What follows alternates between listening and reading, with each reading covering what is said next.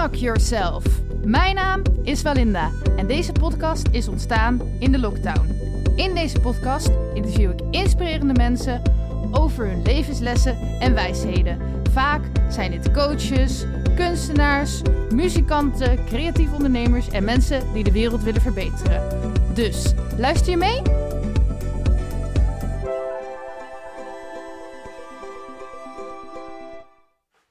Ja, ik heb weer een nieuwe gast in mijn podcast. En dit keer weet ik zelf eigenlijk ook niet precies wie het is. het is een soort eh, blind date. Eh, wie ben je? Uh, mijn naam is Yvonne den Mhm. Hartig. Ja. En ja, wie ik ben, daar komen we misschien straks wel achter. Weet je het zelf al? Of. Ik denk het wel. Ja? Ja. ik ben komen we straks wel achter. Ja, ik kwam jou tegen bij Astrand, het poppodium hier in Ede. En uh, ja, samen met, uh, of tenminste, Owees was daar ook. En die zei, zij is wel goed voor je podcast. En ik hoorde jou ook gewoon bepaalde uitspraken doen waarop ik merkte van, die is in ieder geval met spiritualiteit bezig, zeg maar. Dus ik dacht, nou, dat kan wel eens een mooi gesprek worden. Ja, dat klopt het allemaal wat je zei zo net, ja. Oké. Uh, ja. Um, je houdt het nog wel mysterieus. maar um, heb je een missie op deze aarde? Ja, kan ik volmondig zeggen. Inmiddels uh, na veel uh, gezoek, gelezen, levenservaring, uh, in het diepe gedoken, in, in innerlijk werk. De ene coach na de andere versleten te hebben, kwam ik uiteindelijk ja, via oude geschriften, de boodschap van oude geschriften, kwam ik op het pad van het hart. En nou ja, dat heeft mij geleid door de jaren heen naar waar ik nu ben uh, aanbeland. Oké. Okay. Hey, lukt het jou om de microfoon nog dichterbij te zetten, toevallig of niet? Ja hoor. Oké, okay, top. Uh, maar ik zit te denken, bijna alle spirituele stromingen gaan toch over het hart? Of... ja, want spiritualiteit, dat is natuurlijk een heel prachtig mooi woord, waar heel veel uh, in zit. En het is uh, sowieso, lineair is iets totaal anders. spiri, spirit, uh, dan relateer ik uh, voor deze even aan uh, de natives, dus met hele oude wijsheid over spirit. Spirit is het grote mysterie. En ja, spiritualiteit bevat licht en donker. Hè? we kennen allemaal het yin-yang teken met daarbij de tegenpolen in zich. Dat is vanuit het beginsel, voor zover men natuurlijk heeft kunnen onderzoeken het uitgangspunt geweest van die tegenhang. Maar ook weer vindbaar in de oude geschriften van wat er nog overgebleven is. Er is ook een soort van nep-spiritualiteit. En die kwam ik tegen uh, jaren geleden. Ik weet niet hoe lang, want daar doe ik eigenlijk niet aan. Meer, want ik kan het niet onthouden. Uh, zo van, oh ja, zonder iemand te beledigen, is dat New Age. En ik was verbijsterd, want daar was ik ook in aanbeland geweest. En uh, ja, was totaal niet naar binnen gericht, maar wel alles buiten mijzelf. Als ik het even gewoon bij mezelf mag houden. Mhm. Maar dat geldt voor iedereen natuurlijk. Uh, dat voelde ook zo. Ik ging alleen maar verder van mijzelf vandaan. En het was ook eigenlijk gewoon heel teleurstellend. Want ik was net als zoveel andere jonge mensen in die tijd op zoek naar mijzelf. Mm -hmm. Wie ben ik dan? Hè? Dus zo eigenlijk. Oké, okay, ik hoor je meerdere dingen zeggen waar ik al heel veel vragen bij krijg. ja. uh, Oké, okay, dus in ieder geval even samenvatten. Het pad van het hart, zeg je. Ja. Uh, je zegt iets over oude geschriften. Welke oude geschriften baseer je dan op? Want er zijn zoveel geschriften.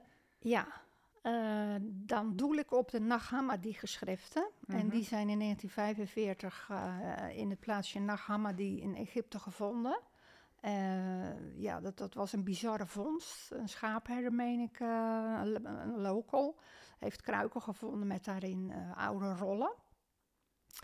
En niet te verwarren met de Dode Zeerollen. Dat Mhm. is ook een hele andere belangrijke vondst geweest. Ook ergens in die tijd. maar de Naghamma, die geschriften, die heb ik gekocht. de herder ook natuurlijk. In 2011 vanuit een, een innerlijk gevoel. Er zijn natuurlijk allerlei mooie Engelse termen voor. Uh, inner call heet dat dan in het Engels. Maar ik, ik uh, ja, dat doet het vaak. Ik, het liefst spreek ik dat in het Nederlands uit. Mhm. Maar Engels eh, is ook prima natuurlijk, net zoals het opkomt. Ik ben daarin gaan lezen en tot mijn stomme verbazing eh, resoneerde dat zo enorm met mijn hart. Ehm, vooral de passage van Maria Magdalena. En ehm, ik kan wel zeggen dat, dat zij haar boodschap, eh, dat is het enige geschrift wat van haar over is gebleven.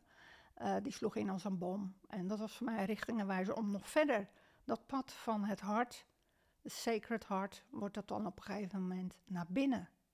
En er was geen ontkomen aan. En eh, daarnaast deed ik ook nog veel transformatiewerk bij dierbare vriendinnen. Ja, sisters heet dat, zonder eng te doen. Maar dat geeft dus aan, als je spreekt over sister en brother, dan uh, spreek je vanuit die essentie. Uh, niet meer of minder dan mij, maar de gelijke. Dus ook dienend aan dat pad, zonder zweverig te zijn. Want het is juist da deep down into Mother Earth, in de modder zelfs, om je werk te doen. Dus opschonen. Mm -hmm. Eigenlijk dat. En ja, ja, net vroeg je over mijn missie. Die is na een um, ja, workshop, doet eigenlijk teniet aan die dingen die dan gebeuren, aan jezelf werken. Maar ja, het moet een naam hebben. We hier Vooral in de westerse wereld natuurlijk, met uh, alle respect. Want dat is heel hard nodig. Mm -hmm. Ik bedoel, ik, ben ik niet die dat bepaalt. Maar als ik om me heen keek en kijk, denk ik... nou, je gunt iedereen gewoon uh, dat hij, hij of zij bij zichzelf mag aanbelanden. En um, ja, op een gegeven moment kwam er ook op mijn pad via via ook iemand... Uh, mag ik een naam noemen? Of Voor mij wel, ja. Als diegene ja. daar ook achter zou staan. Dat, dat, dat, dat ja, voornaam. Suzette. Ja. En ja. Uh, Suzette uh, die voelde voor mij als uh, loepzuiver. Want dat hangt natuurlijk ook heel nauw. En ik had inmiddels geleerd door de levenslessen. Want ik, heb heel, ik kom van heel diep. Maar daar kwam misschien straks later nog wel op, op een ander facet. Zij heeft van Willem Glaudemans, dat is een van de twee vertalers van de Nagama die geschriften. Samen met Jacob Slavenburg heeft hij die geschriften vertaald. Enorm moeilijk natuurlijk. Ik meen dat het in het Koptisch Grieks geschreven was. En nou, dat is een heel moeilijk technisch verhaal. Iets met de Berlijnse code waar ik helemaal geen sjoegel van heb. Maar het ging er dus om, om het zo loop, mogelijk te vertalen. En dat is gelukt. Mm -hmm. Maar er waren ook hele delen van de tekst die waren niet, niet meer te lezen. En de schaapherder daar uh, ter plekke in Nagama, die, die heeft ook uh, helaas rollen verbrand. Omdat hij een vuurtje wilde maken. Dus er zijn wel wat dingen ook verdwenen. Uh, maar even terug naar hoe kom ik dan op mijn missie. Um, de man die ik net noemde, ben even zijn naam kwijt. Willem Glaudemans, die heeft dus vanuit onder andere die Nagama, die geschriften. En zijn eigen diepe wijsheid. en ook ingetuned op de Akasha-chronieken. Dat is gewoon het etherisch veld waarin alle informatie opgeslagen ligt. Van ooit, van het begin. Uh, wat jij en ik nu zeggen, wordt daar ook een opgeslagen. Uh, hij heeft daar een uh, methode weten te ontwikkelen. dat heet het talentenspel. En dat klinkt natuurlijk heel leuk. Dat klinkt van, oh leuk. Maar dat is het ook. Uh, het, het, is heel leuk, uh, ja. maar ook heel, ja, is ook zo'n mooi woord, leuk. Hè? Het is zo oppervlakkig, maar het kan ook heel diep zijn. Mm -hmm. uh, heel mooi is dat hij een methode heeft weten te ontwikkelen waarmee je bij je diepste dingen aanbelandt. Dus allerlei archetypen. Kom je dan tegen? Ja, het gaat te ver om het hier uit te leggen, maar ik heb daar, dat gaat ook met borden. Uh, binnen de geometrie en de levensboom. En de levensboom, dat relateert direct aan de Kabbalah. Uh -huh. En uh, de lindenboom heeft Willem Glaudermans daarop afgedrukt op, op een bord. En nou, wat doe je dan met zo'n coach? Dus ook een coachingstraject eigenlijk geweest wat ik heb gedaan. Daar kom je middels de archetypen en je eigen innerlijke voelen met kaartjes, dat zijn richtingenwijzers, kom je bij hele diepe stukken. En dat is niet van, oh joepie, we gaan even leuk een kaartje trekken en uh, kijken van naar binnen en dan zijn we daar vanaf. Het zijn hele diepe processen die enorm uh, nawerken. Ja. En dat innerlijke werk kan je alleen met jezelf thuis in de stilte. En hoe kom ik op mijn missie? Uh, ik heb alle zes borden heb ik doorlopen. Met andere mensen samen. Dat waren ja, gewoon hele, hele dagen. Heel hard werken. Back-off daarna. En toen op een gegeven moment werd duidelijk, na de afronding, ook weer bij jezelf vandaan. Dus er was niemand, dus Suzette die vertelde niet van dit en dat, we zo zij begeleiden alleen. Is natuurlijk ook uh, heel diep uh, invoelend werk, wat zij ook beheerst en vele anderen. Want er zijn heel veel talentencoaches hier in Nederland inmiddels. Mm. Toen kwam ik dus uit op, eh, nou schrijf maar op papier wat jouw missie is. Dat viel niet mee, want dan moest ik het opeens concreet maken. En dan moet je het dus pakken vanuit die energie.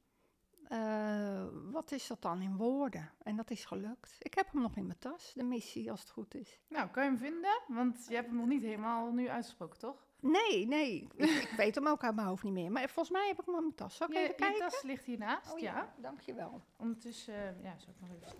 Ik weet niet hoe lang, eh, of je hem snel hebt gevonden, zeg Nou. maar. Of dat ik nu een grapje moet maken om. Nee, want dat is bijzonder. Tada, bovenaan. ik he- ja, ik heb dat ooit in mijn tas gestopt en dat reist dus... Even de leesmiddel op, een hoop herrie. dat reist dus met mij mee, hè. Dit heb ik Mhm. niet bedacht. Ja, hier heb ik hem. Mijn missie in dit leven is om met mijn levensadem de gouden levensdraden van een nieuwe aarde en een nieuwe wereld te verweven.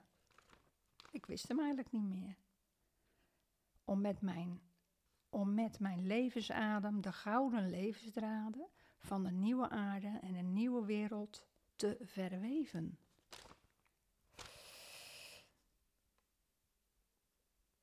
En hier staat nog iets, om met gouden levensdraden te weven. Ja, want wat ga ik dan weven? Mhm. Dit nieuwe aarde en een nieuw bewustzijn tot in de kern van moeder aarde. Ja.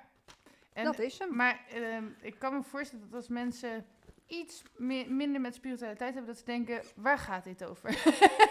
dat bedoel Ja. ik niet tot aanval, hè? Nee hoor, helemaal niet. Ik begrijp dat eh, Ja. volkomen. En eh, dat is ook helemaal terecht. Want het is niet zomaar iets wat je kan pakken in woorden. Nee. Eh, voor mij is dat gebleken eh, tonen. En tonen, dat doe je met je stem Mhm. vanuit je ziel. Ja. En om bij je ziel, vanuit je ziel te kunnen tonen of zingen, ja, dien je eerst in je ziel aan te belanden. Mhm. We kunnen allemaal zingen natuurlijk vanuit de hup, hup, hup, maar op een gegeven moment heb je geen stem meer. Maar als je echt vanuit je ziel toont, zoals bijvoorbeeld vroeger, eh, ja vroeger, Essenen deden dat, eh, de Essenen, eh Kataren deden dat. En vandaag de dag doen heel veel mensen die dat hebben ontdekt, die doen dat. Mhm. Vanuit een diepe missie, vanuit hun hart. Dat wordt ontdekt. Ja, ik, het is een heel mooi woord. Ja. Echt het ontdekken, hè? Mhm. want alles is aanwezig, alleen er liggen, er liggen sluiers op. ja. En, ehm, maar ik zit een beetje met dat... ehm, Ja, ik heb echt zoveel vragen. ja dat, maar ik hoor, dat ik, kan nee, me maar, voorstellen. ja, maar tegelijkertijd, is- het is niet zo, voor mij ehm, herken ik wel, de, ik heb dus ooit godsdienst gestudeerd. Ja, En ik ben sowieso ook veel met spiritualiteit bezig. Willem Glaudemans, die is toch eigenlijk ook van een cursus in wonderen, of niet? dat klopt. Is dat dan hetzelfde tekst of is dat weer wat anders? Dat is een ander boek. Oké. Ja. Eh, nou ja, dus, snap, dus ik heb wel enig idee waar je over praat. En tegelijkertijd zeg je zoveel tegelijk dat ik het even niet zo goed weet. Ja, dat kan me ook voorstellen. Ja. Ik bedoel, ik ben ook niet alwetend, maar het is inmiddels zo geworden natuurlijk dat ik, ik merk dat ik er gewoon woorden aan kan geven. Nou, nou, dat toch? is ook wel bijzonder, vind Ja. ik. Ja, nu, wat ik dan eh, merk. En, eh, maar je zegt dus iets met gouden... Nee, ja, iets met de nieuwe wereld en goud weven. ja, wat moeten we met goud? De- waarom goud? Wat, hoe kom je daarbij? Ehm, is, is jouw eerste vraag beantwoord over die missie en die spiritualiteit? Nou ja, kijk, er is sowieso geen goed en fout. Dus je hebt een antwoord. Ja, Maar je omschrijft het dan met, met die zinnen over goud. Ik kan er ze niet naar vertellen, maar over het weven van een nieuwe wereld in de aarde. Ehm, maar dat, ja, dat klinkt voor mij nog wel een beetje vaag van hoe, hoe breng je dat dan in de praktijk? Ja, helemaal voorstelbaar hoor. Dus wat bedoel je Ehm, ermee? Ja, wat, eh, eh, wat bedoel ik hiermee? Ehm, alles is opgebouwd uit energie. Daar is het beginsel in begonnen. ja. Hè? eh, een samengesteld boek als de Bijbel begint in het begin. In den beginnen was het woord. En daar wordt, vanuit mijn perceptie, wordt daarmee bedoeld de tonen. De aum. Ja. Dus een creërende vibratie. Mhm. Dus de klanken zijn vibraties, frequenties, energie. Eens. En daarmee, eh, je hebt natuurlijk energie en energie en klanken en klanken. Je hebt ook chaotische klanken, je hebt destruc- destructieve klanken. Hè? eh, een, Japanse meneer eh, Emoto heeft dat aangetoond middels proeven met water en met, met zand. Als je dan een klank gaat maken van bijvoorbeeld een willekeurig instrument of eh, een bepaalde noot met je stem, dan komt daar een geometrische vorm. En eh, eh, even terug naar dat goud. Goud is iets on- ongrijpbaars. Hier wordt mee opgedoeld niet het tastbare goud. Hè, want dat is natuurlijk voor winstbejag en van alles ingezet en nog. Mensen willen goud, goud, goud. Nee, hiermee wordt bedoeld het diep, het diep energetische goud van de hoogste frequentie die alles ontstijgt Mhm. vanuit de creatiebron. Die gouden levensdraad. Eigenlijk ziel, bezieling. Ja, dus, Zo, dus dus- de ziel is goud, of de bron is goud. Of... Ja, zo wordt dat ook wel verwoord. Eh, ja, omdat mensen toch door de tijd heen hebben geprobeerd, gepoogd om het um, um, in het hier en nu. We zijn natuurlijk in het hier en nu leven wij. En ja, en, ja hier, hier moeten we het doen. Mhm. Tenminste, moeten. Je moet niks. Daar ben ik allergisch voor geworden. Je moet Mhm. helemaal niks. Maar dat goud, eh, daar wordt daarmee op gedoeld. Ja, en in- de Bijbel gaat het eh, ook, niet dat ik alleen maar over de Bijbel wil praten, Nee, maar daar gaat nee. het ook over stad van eh, gouden poorten en dat soort dingen. Ja, Dus dat is wel grappig. Ehm, en ehm, Maria Magdalena zeg je. Oh ja, nog even, ik ben dus nu niet meer ehm, dogmatisch christelijk zoals vroeger, even voor duidelijkheid. ja, En maar ik heb dus eh, later heel veel geloofstwijfel gekregen, waarna ik dus in een veel bredere spirituele zoektocht terecht kwam, zeg maar. Ehm, ja, nee, want dat is misschien fijn om te weten, want als je echt met een puur christen praat, dan kan je misschien veroordeeld voelen van, oh, die vindt dat wel heel raar gedachtegoed. Maar dat heb ik dus niet. nee hoor. Is helemaal goed. Ik herken jou, want eh, ik heb dan ook dat, dat pad gelopen. Ja. Ja, weet je. Dus het is zoals het is. mhm. Ehm, daar gaan we het dan ook zo. We kunnen alle kanten op met jou. Ja, ja, ja, ja, ja, precies. En dan is voor mij de uitdaging om bij de rode draad te blijven. Eh, gouden draad. Oh, ja, maar, ja dat is heel mooi. Heel, heel toepasselijk, dankjewel. Ehm, wat, wat had Maria Magdalena dan precies, ehm, ja, hoe zeg je dat, gezegd? Eh, want er was dus een tekst die jou daarin heel erg raakte. Eh, ik weet uit mijn hoofd natuurlijk niet meer wat die tekst was. Maar sowieso de energie die vanuit, eh, die door die woorden heen kwam, die raakte mij. En die raken mij dan zo, want dat, dat, ja, dat gaat heel diep. Dan moet ik huilen. En dat is zijn hele diepe gevoelens. Die, ja, dat kan ik alleen als ik met mezelf in de stilte ben, met mezelf in huis. Ehm, maar wat raakte mij? Ja, dat zijn vele dingen. Eh, wat ik las is eh, het boek van de liefde. Zo heet dat boek. Dat heeft een naam. En ik las dat zij eh, de echtgenote was toen de tijd is, was van Jezus. Joshua, zijn Aramese naam. Dat vond ik behoorlijk confronterend en chockerend ook wel.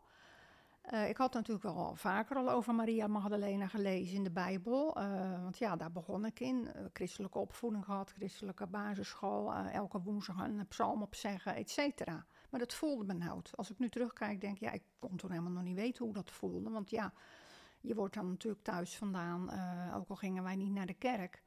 Eh, dat kreeg ik wel mee. En dat is niet fout en zo, hè? daar gaat het niet om. Ik, eh, dat is gewoon zo gelopen. Mhm. Er is natuurlijk wel een bepaald zaadje toen eh, gezaaid, maar dat voelde gewoon niet juist. Ik vond er helemaal niks. Af en toe ging ik dan naar de kerk en met kerstfeest. En ik vond gewoon, denk, nou, wat doen al die mensen hier? Maar Maria Magdalena, die is als hoer afgeschilderd in de Bijbel. Ja. En zij was een zondares en eh, zij kwam tot Jezus. Een dramatisch verhaal. Daar ben ik natuurlijk mee opgegroeid met dat verhaal. Opgegroeid, hè? Ik, ik, ik, ik heb dat toen gehoord en vernomen. Het zei me totaal niets, maar wel dat het zo leeg voelde. Dat is gewoon niet waar. In Mhm. mijn be- beleving, daar heb je het weer van. Wat resoneert er dan? Op een gegeven moment kan je je hart gebruiken als kompas. Wat ik nu vandaag de dag doe met alles. Ja. Althans, eh, mijn, mijn eh, focus is om dat met alles te doen. Mhm. Hè, maar ik ben ook gewoon een mens. eh, want daar gaat het juist om. Ik ben niet beter of meer of minder dan een ander. Helemaal niet. Maar het gaat om mij, om mijn hart en mijn kompas. En dat is mijn enige verantwoordelijkheid. En mijn ziel.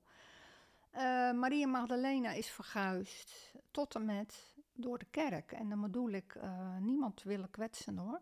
Maar met kerk bedoel ik op het Vaticaan, op de Rooms-Katholieke kerk die voortkwam uit de Romeinse tijd.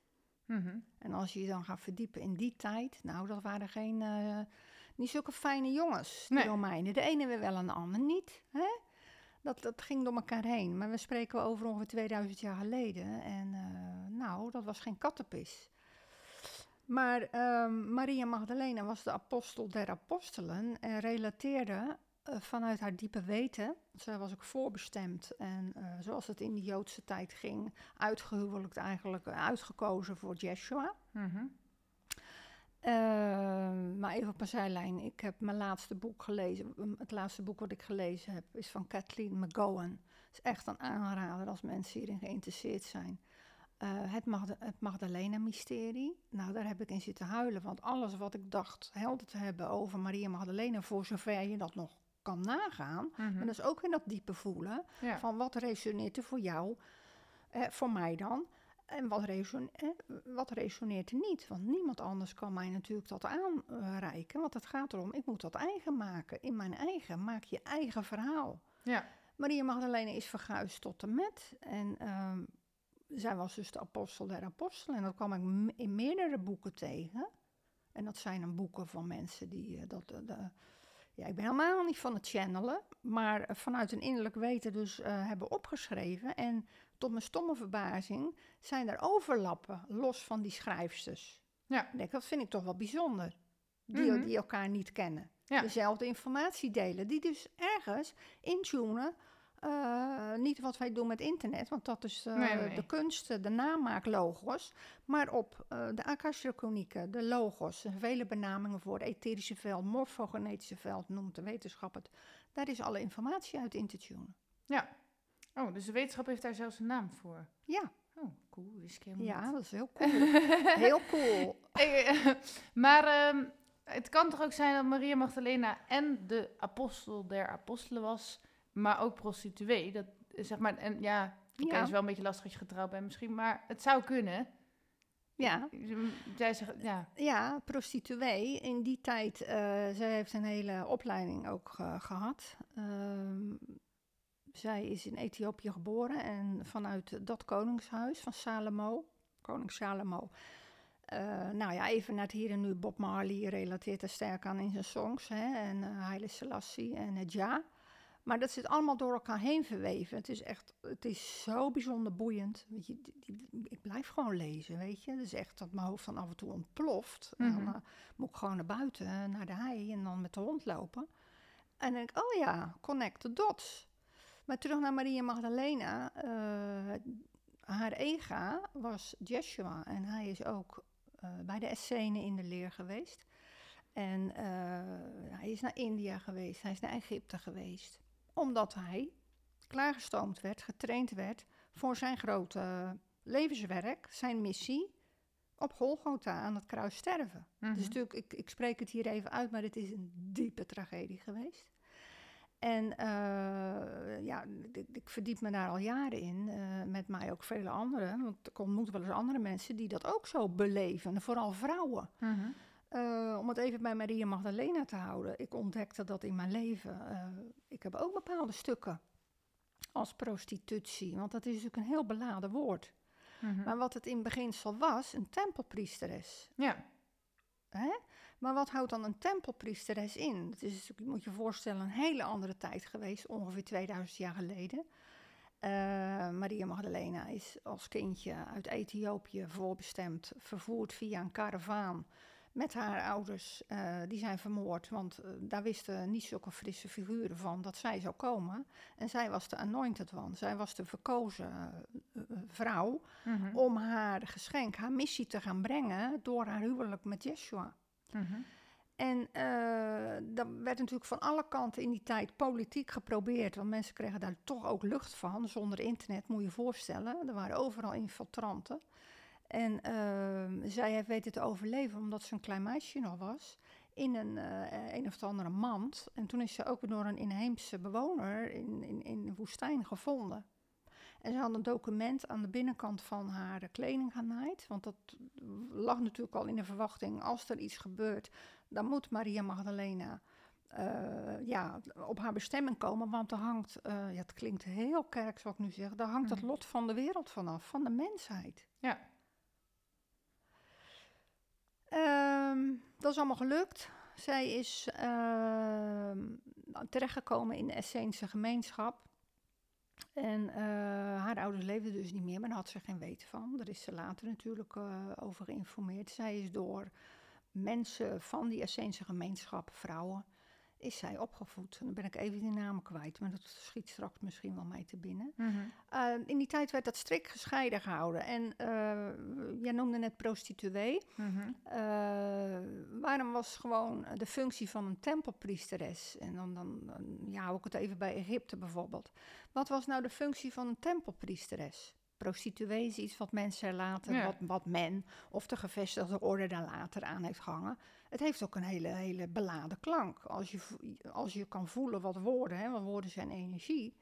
Prostituee of tempelpriesteres. Dat Ja. voelt al zo anders. Mhm. Ehm, zij is er ingewijd in eh, de hogere liefde. En dat is niet seks hebben om de seks en de lust, Mhm. ook wel erbij, maar vanuit het hart seks hebben. Ja. Sacred marriage, Mhm. Hieros, ga- Hieros Gamos, dat is vandaag de dag heel hip. Hè? Mhm. En natuurlijk, daar is heel veel werk voor man en vrouw te verrichten. En wat is daar die essentie dan van geweest?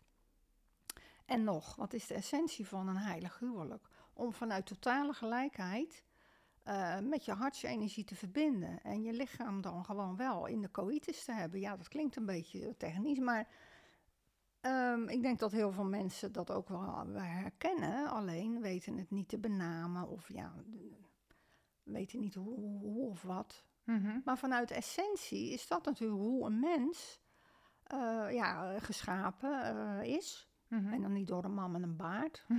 Maar eh, nou ja, dat weet ik, ik was er niet bij. Maar van- vanuit die hogere liefde, vanuit die hogere hartsenergie, volledig met die ander te kunnen versmelten. Ja. Ja, en dan ontstaan er eh, universa. Mhm. Een tempelpriesteres, dat is ook wel interessant, eh, want er waren natuurlijk heel veel vrouwen die werden door hun ouders eh, als ehm, ja, meisje een opleiding gegeven in een, in een tempel. Mhm. Je hebt natuurlijk in de Romeinse tijd had je ook tempels en eh, Griekse tempels. En eh, ja, dat is langzaamaan verwaterd. Maar eh, de zuivere leer van de tempelpriesteres was om de mannen uit de oorlog te ontvangen.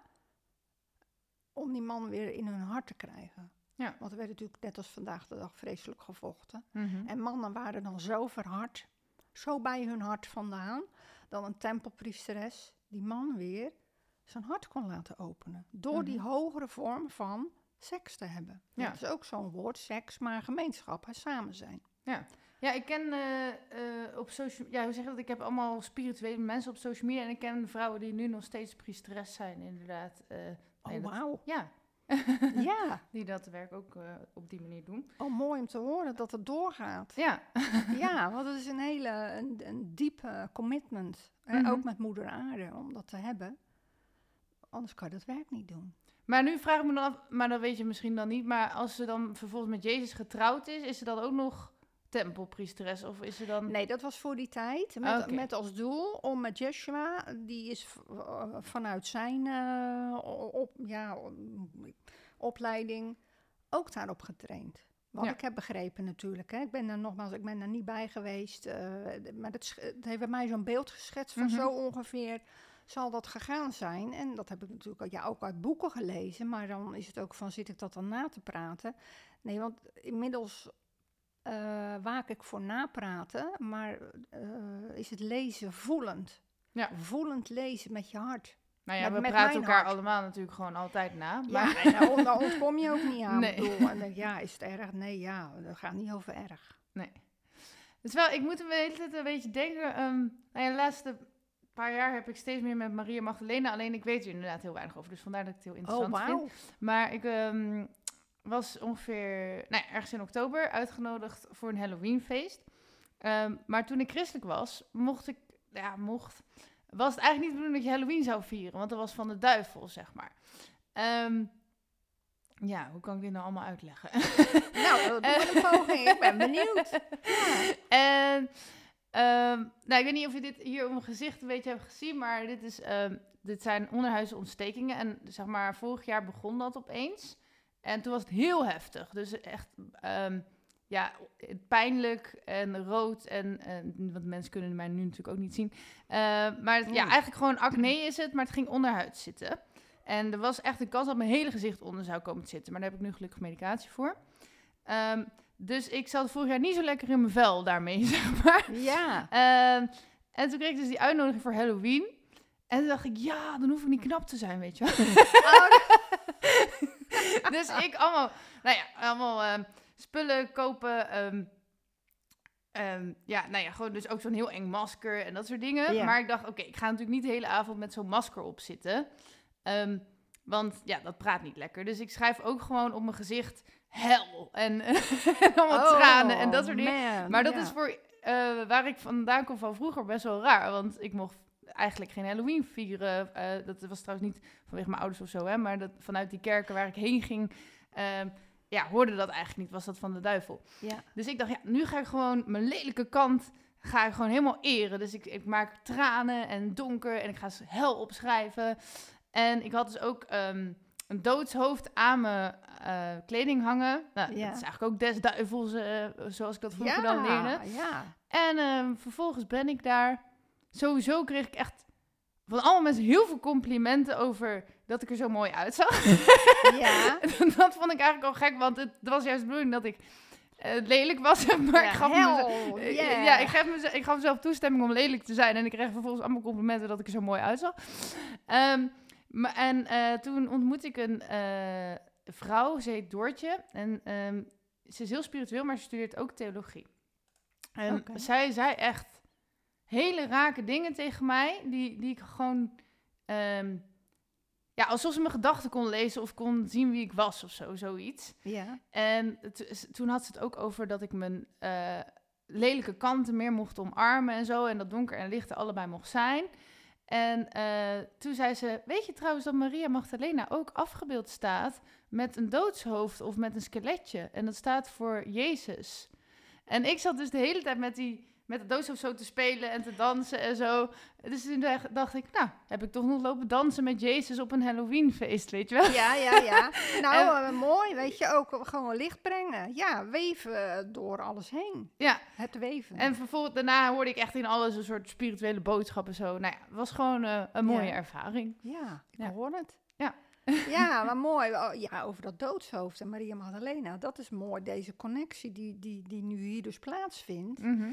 Want ik relateerde net aan een, eh, mijn laatst gelezen boek van Kathleen McGowan. Eh, over het, dat heet, eh, dat is een, het is een trilogie, maar ik heb het eerste deel gelezen, Maria Magdalena Mysterie. En ehm, zij heeft onderzoek gedaan in Zuid-Frankrijk, waar vroeger de Kataren leefden. En ja, zoals je misschien wel eens gehoord hebt, die zijn vermoord. Hè? De Albigentische kruistocht in 13 zoveel. Eh, of eerder, 1100 zoveel. Maar dat wil ik even parkeren. Ehm, wat ik heb gelezen, wat ik, wat ik, waar ik bijna echt van de bank van viel, Mhm. was vanuit oude overleveringen van locals in Qatarengebied. Eh, want dat is nooit op schrift gesteld, omdat dat te gevaarlijk was en nog is. Want de, de kerk wil dat natuurlijk. ik bedoel hiermee het Vaticaan, even gewoon in zijn algemeniteit. Maar eh, vertaald is eigenlijk beter de Inquisitie. Want die, die is er nog vandaag de dag, alleen vermomd in andere hoedanigheden. Ehm, wat dus gebeurd is, ze zou eerst met Yeshua trouwen en alles werd klaargemaakt voor die bruiloft. Binnen die tradities van toen, enzovoort, enzovoort. Daar was ook Johannes de Doper. En Johannes de Doper was ook een zeer gerespecteerd profeet, in hoog aanzien. Ook bij de Essenen, maar Johannes de Doper die leefde zijn leven als een hermit, dus een kluizenaar eigenlijk, om zo in ascensie te kunnen zijn. En dat ascensie is een heel mooi woord wat je vandaag de dag natuurlijk ook overal tegenkomt, tenminste. Eh, mag ik aannemen, ik wel dan, en anderen ook. Eh, dat betekent niks meer of minder dan eh, frequentieverhoging. En wat, hoe doe je dat? Nou, niet door op een yogamat te gaan zitten en eh, heel hard de mantra's te gaan, gaan zitten zingen. Nee, ascensie is eigenlijk heel eenvoudig. Door je naar binnen te keren en daar je schaduwstukken te om- omarmen en door te werken. En dan kom je uit in, in dat, dat diepste diepe, waar je eigenlijk ona, ja, daar ben, niet eigenlijk, daar ben je onaantastbaar. En dat klinkt heel erg eh, eh, zweverig en uh, joepie joepie en oh, dan moet ik zien te komen. Nou, dat is natuurlijk fijn, want dat gun je iedereen, elk mens. Alleen het vergt commitment aan jezelf en echt dat pad op te gaan en overal uh, daar steeds weer naar terug te keren. En ook die schaduwstukken dus te omarmen, mm -hmm. uh, figuurlijk. En dat betekent dus dat heel diep werk van binnen en dat werk met emoties. Eigenlijk is het niet zo moeilijk als je weet hoe, wat je voelt en wat zich aandient. En dan te gaan zitten in de stilte en dan het doorwerken. Dan kan je natuurlijk ook mensen, kunnen mensen, therapeuten dat vandaag de dag bij helpen. Maar even terug naar dat huwelijk van Joshua en Maria Magdalena en Johannes de Doper.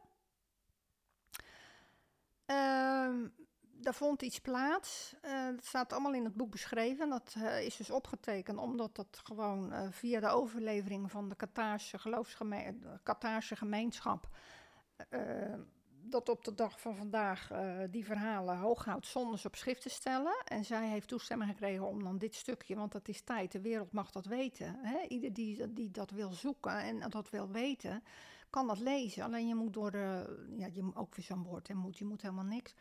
Maar als je voelend leest, dan, dan, dan, dan weet je hart, je diepere weten, weet dat dat waarheid is. En dat is een andere waarheid van uh, die benaming van iedereen heeft zijn eigen waarheid. Ja, hier moet iets anders mee bedoeld. Mm -hmm. uh, nou, ik maak het wel heel spannend. Ik zal even concreet worden. Zij uh, is dus tegen haar willen, maar ze had niks te willen. Dat was toen ook al zo. Uitgehuwelijkd aan Johannes de Doper. Wie en was dat? Sorry. Johannes de Doper. Ja, maar, John, John the Baptist. Ja, maar wie was daaraan uitgehuwelijkd? Oh, sorry, Maria Magdalena. Oh, oké. Okay, ik ja. viel bijna van de bank toen ik dat las. Toen ik dat boek aan het lezen was. Wat is dan die, die link met dat doodshoofd? Uh, ik meen uh, keizer Herodes, of Herodes. Uh, die had een stiefdochter, Salome. En dat waren vriendinnen. Dat was, moet je je voorstellen, dat is allemaal politiek wat ik nu vertel. Mm -hmm. En dat is absoluut, in die tijd was dat not dan.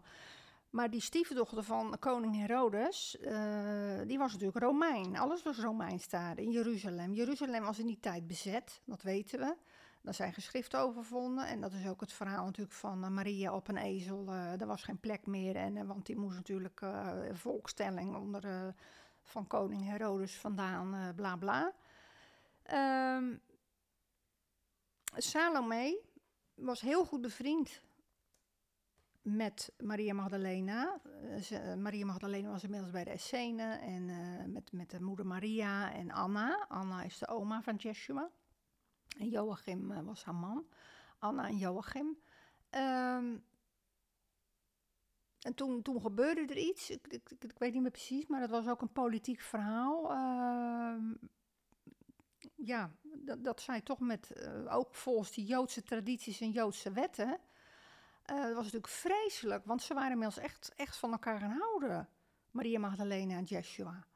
En uh, Jeshua heeft door heel diplomatiek te zijn, want die man die, die, die, die, die schijnt echt ja, enorm inzicht gehad hebben, ook in die politieke toestanden van toen met die Romeinen. Nou, je kan, het echt, je kan het juist niet voorstellen hoe dat geweest moet zijn als je dus uh, de, waar, de waarheid kon brengen. Dus natuurlijk, wij kunnen het makkelijk nu zo vertalen mm -hmm. van de waarheid. Maar het gaat dus over die diepe universele wetten die uh, een andere kant uh, weg wil wissen. Wat dus bijna gelukt is. Mm -hmm. Zij moest trouwen met Johannes de Doper.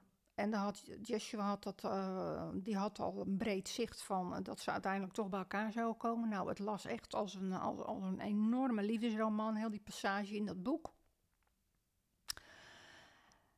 Maar ja, uh, zwanger is ze geworden. Ze heeft één kind van hem gekregen, van Johannes de Doper. En uh, wie wilde nou zijn hoofd? Ik meen ook Herodes.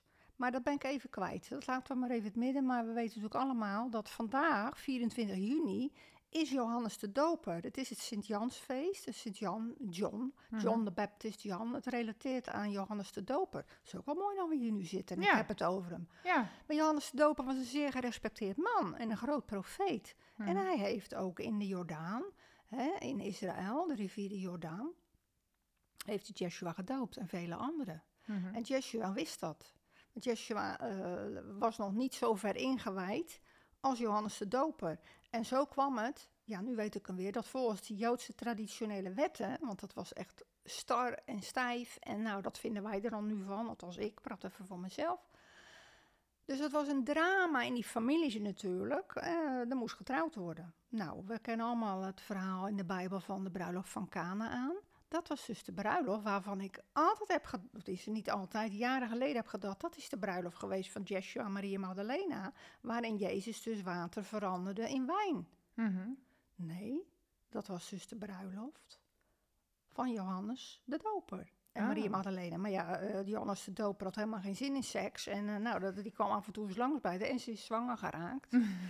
Moet je toch zin hebben in seks hoor, om zwanger te raken. Ja, natuurlijk. ja, dus hij, hij zal dat ook wel. Maar het was, het was, het was geen eh, fijne persoonlijkheid. Kijk, maar dat zegt natuurlijk niks over zijn dienstbaarheid aan de mensheid. En, Nee. en zijn commitment met God.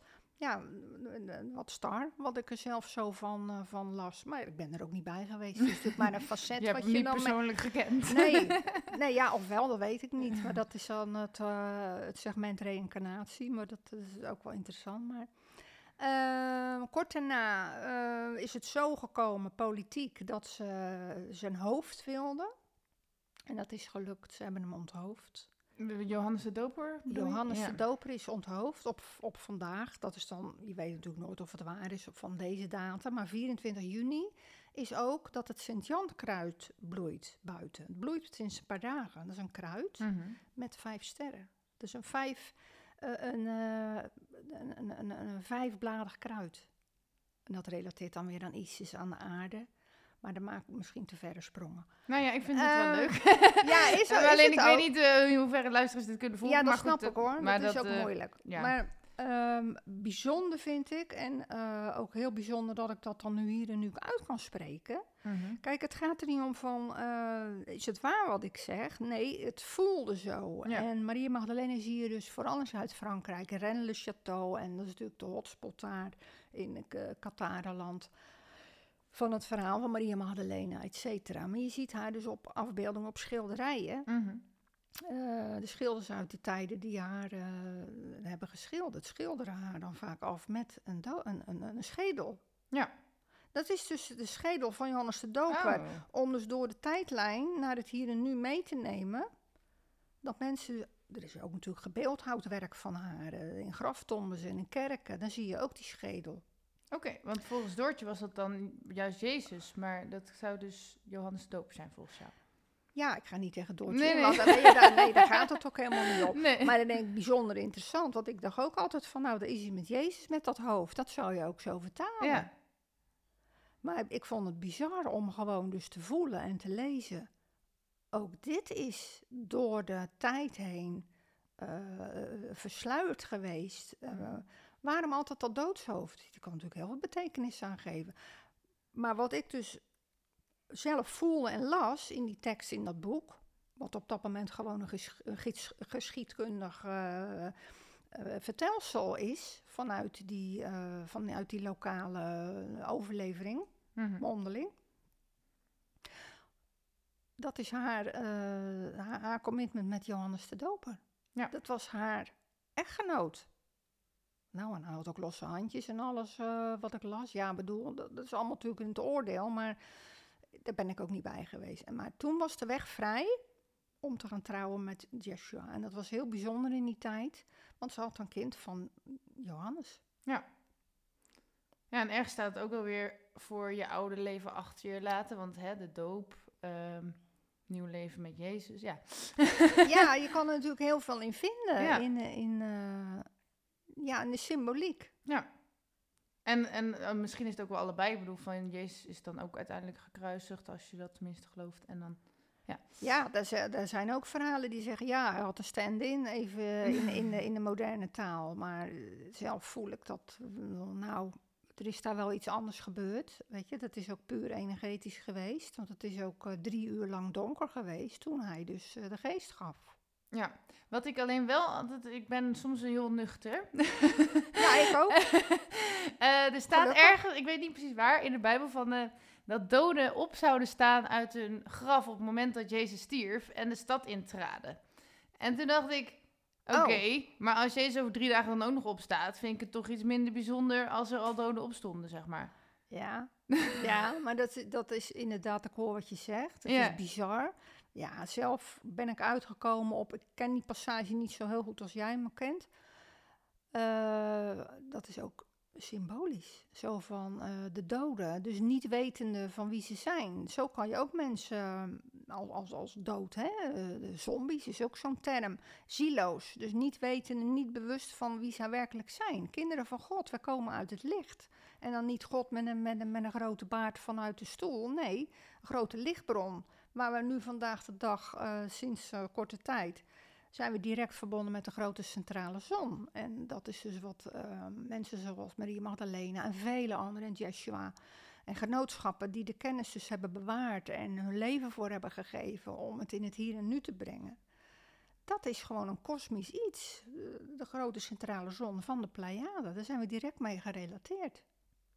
En die is nu direct uitgelijnd. En daardoor, ja, ik vertel het allemaal heel makkelijk. Ik hoor mezelf gewoon praten.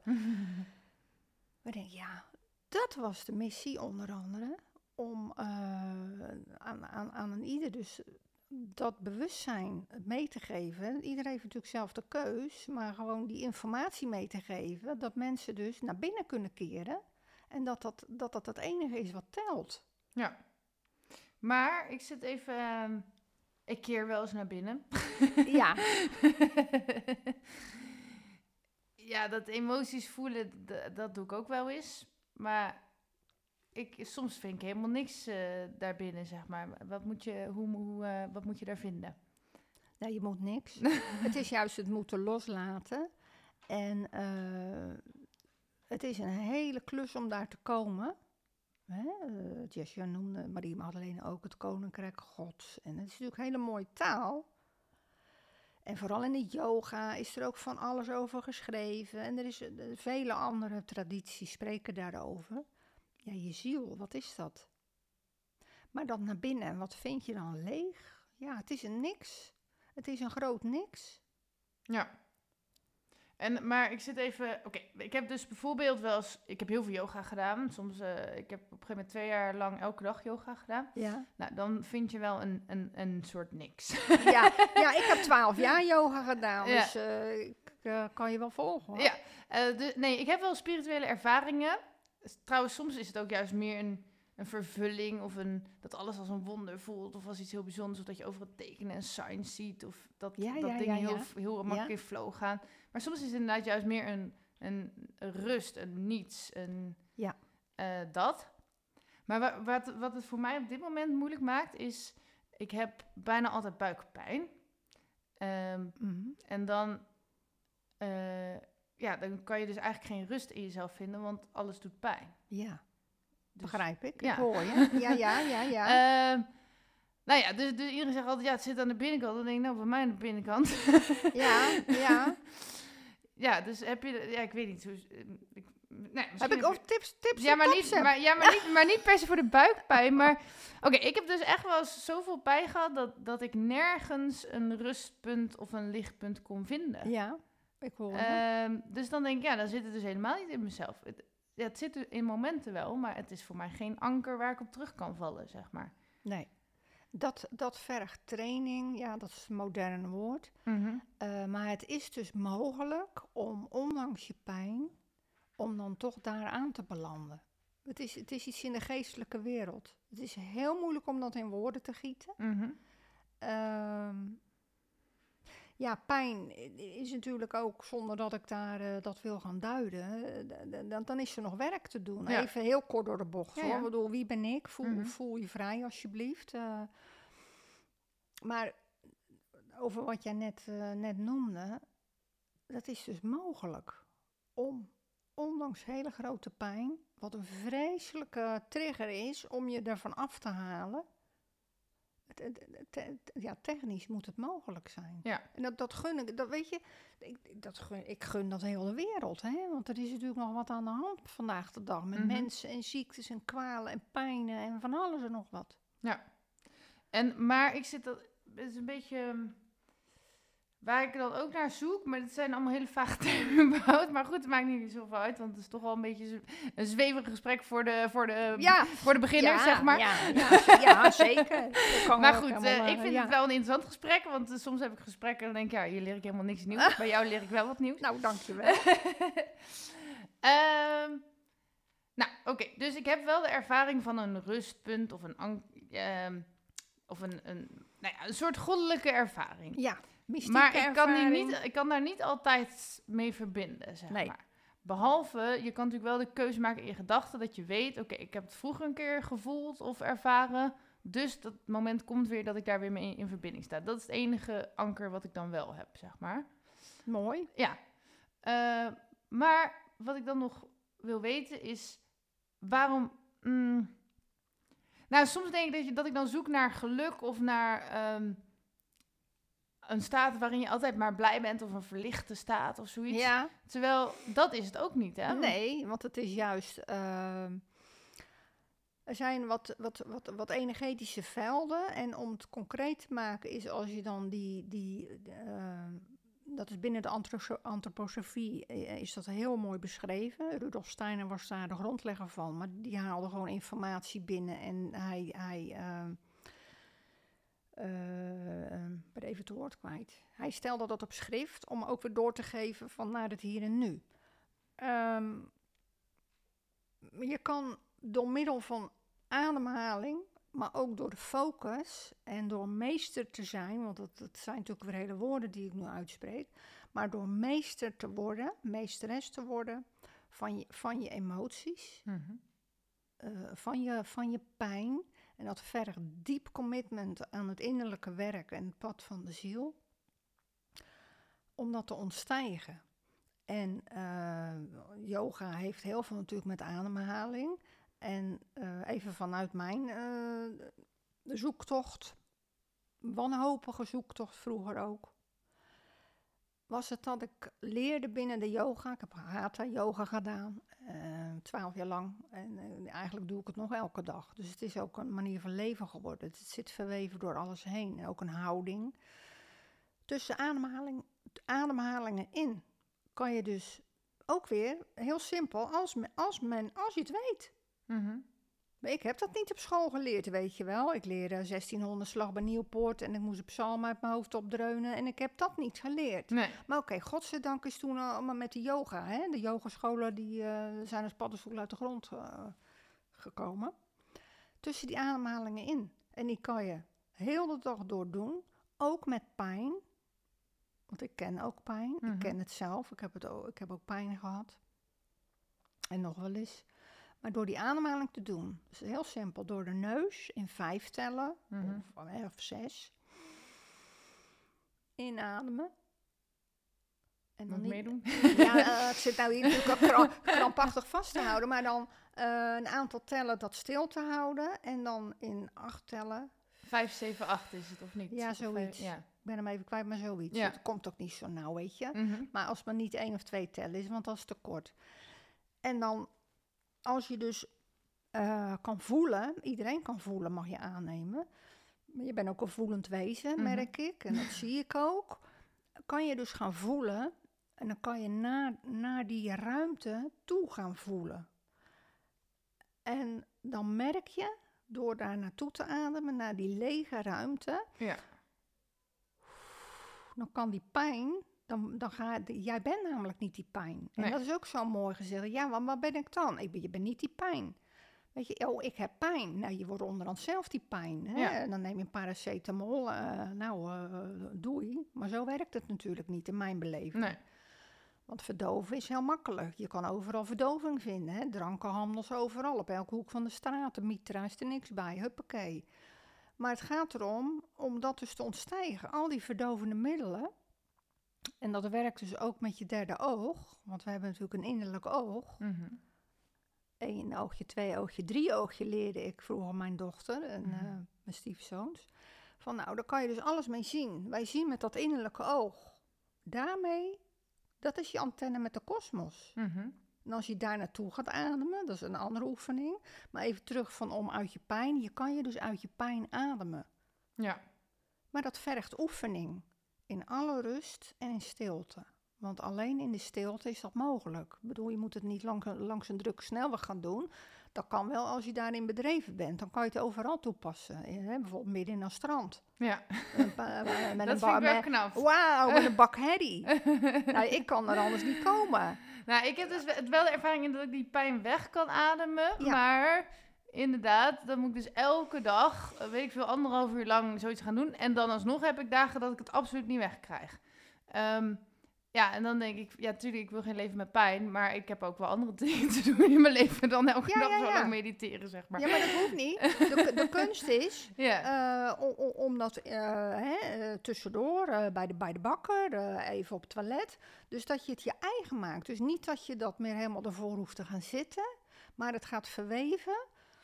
Daar doelde ik zo net ook op een stukje terug, van dat je dus die, die, die velden van het zijn.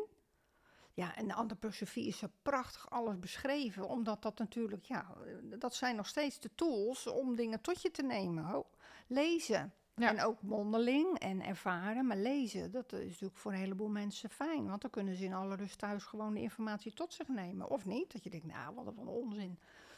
Maar je kan het, of je, Mhm. ik bedoel, voel je vrij. Maar eh, het is dus mogelijk om eh, die discipline op te brengen, om dat gewoon eh, een paar keer op een dag te doen tussendoor. Want het wordt wel heel vervelend. Weet je, ik, ik hoor je zeggen anderhalf uur gaan mediteren. Ik krijg er toch helemaal benauwd van. Ook. Nou, meer van dat, het, dat je dat dan elke dag zou moeten Ja, doen. moeten, maar dan wordt het een moeten. Nee, maar goed, ja, dat inderdaad. Maar dat- ik bedoel dus te zeggen van, ik heb dus de ervaring dat ik het weg kan ademen, maar mijn, ja, ik wil ook niet te klagen over alleen maar pijn in mijn podcast, maar mijn pijn is dus wel Nee. vaak zo heftig Ja. dat dat niet even in eh, een paar minuten weg te ademen valt. Nee, dat begrijp ik helemaal. Ja. Maar goed, ehm, Nou, volgens mij hebben we het daar lang genoeg over nee hoor, maar dat is, dat is toch helemaal prima? hè? Ja, maar ik heb natuurlijk wel eens vaker in podcasts heb ik het erover, maar ik vind het ook wel lastig om die balans te vinden tussen, Ja. ehm, je wil erover leren en verder inkomen, Ja. maar je wil natuurlijk niet als een slachtoffer alleen maar over je pijn klagen. Nee, precies. Want daar kies je zelf voor. Maar ik hoor jou niet praten als een slachtoffer. Nee. Weet je, want dat is ook, heeft ook met bewustzijn te maken. Ja, ja, ja. Zo van, ja, het is heel makkelijk. Want, oh jongens, kommer en kwel. Ja, maar als je het niet bewust bent, jij bent wel bewust. Want ik hoor jou niet als slachtoffer, hoor. Nou. Jij, jij bent niet je pijn. Nee. maar het is wel een groot onderdeel in mijn leven, helaas. Nou, dat kan ik me voorstellen. ja. Ehm, goh, ik heb zoveel vragen. Eh, je zei ook nog iets van eerst, eh, deed je, zat je in de New Age. Ja. Ehm, ja, ik vind altijd, volgens mij is New Age gewoon een verzamelnaam voor heel veel spirituele paden. Ja. Dus wat is volgens jou New Age en waarom is dat volgens jou dan niet de waarheid? Eh, dat is ook, eh, ja, wil ik toch even nuanceren hoor. Want Mhm. zo zwart-wit eh, kan het niet gezegd. kan, kan- zo, zo zwart-wit ervaar ik het niet. En het is ook heel subtiel. Maar ehm, vroeger had je piraten en die infiltreerden in, in, in, piraterij. Dat vindt vandaag de dag nog steeds plaats en heeft plaatsgevonden. In de religies, in de spiritualiteit eh, van New Age. Dat is een beetje eh, vanuit het hippie gebeuren voortgekomen. Eh, Zo'n soort van, wat ik er zelf van heb gezien. Eh, maar ook met de Indiaanse tradities. Eh, de Dalai Lama bijvoorbeeld, hè? oefen geweldloosheid. Mhm. Ja, dat dacht ik eerst ook. In die zin, zo voelde dat. Maar het, op een gegeven moment kwam ik daar in een leegte toen ik die lessen toe ging passen. En dan eh, even los van de Dalai Lama zelf, daar zijn de meningen inmiddels ook over verdeeld. Eh, dus daar wil ik niet in, weet je. Dat heeft geen zin, want dat, eh, mensen kunnen dat zelf gewoon overal opzoeken over mensen, vooraanstaande mensen, hun wandelgangen. Alles is op internet te vinden, dus daar blijf ik uit. Ik heb daar uiteraard natuurlijk wel zelf een, een heel beeld bij. Mhm. Eh, maar even als voorbeeld over die Indiaanse het boeddhisme heet dat. Het Ja. hindoeïsme, het boeddhisme. Denk, hoe is het mogelijk dat je door geweldloosheid, ik noem maar even een voorbeeld, Mhm. hè. Hoe, dat je dan je kan verhouden tot andere mensen. Dus door eh, daar heel mee, mee te gaan. En oh, alles is goed, alles is lovey-dovey.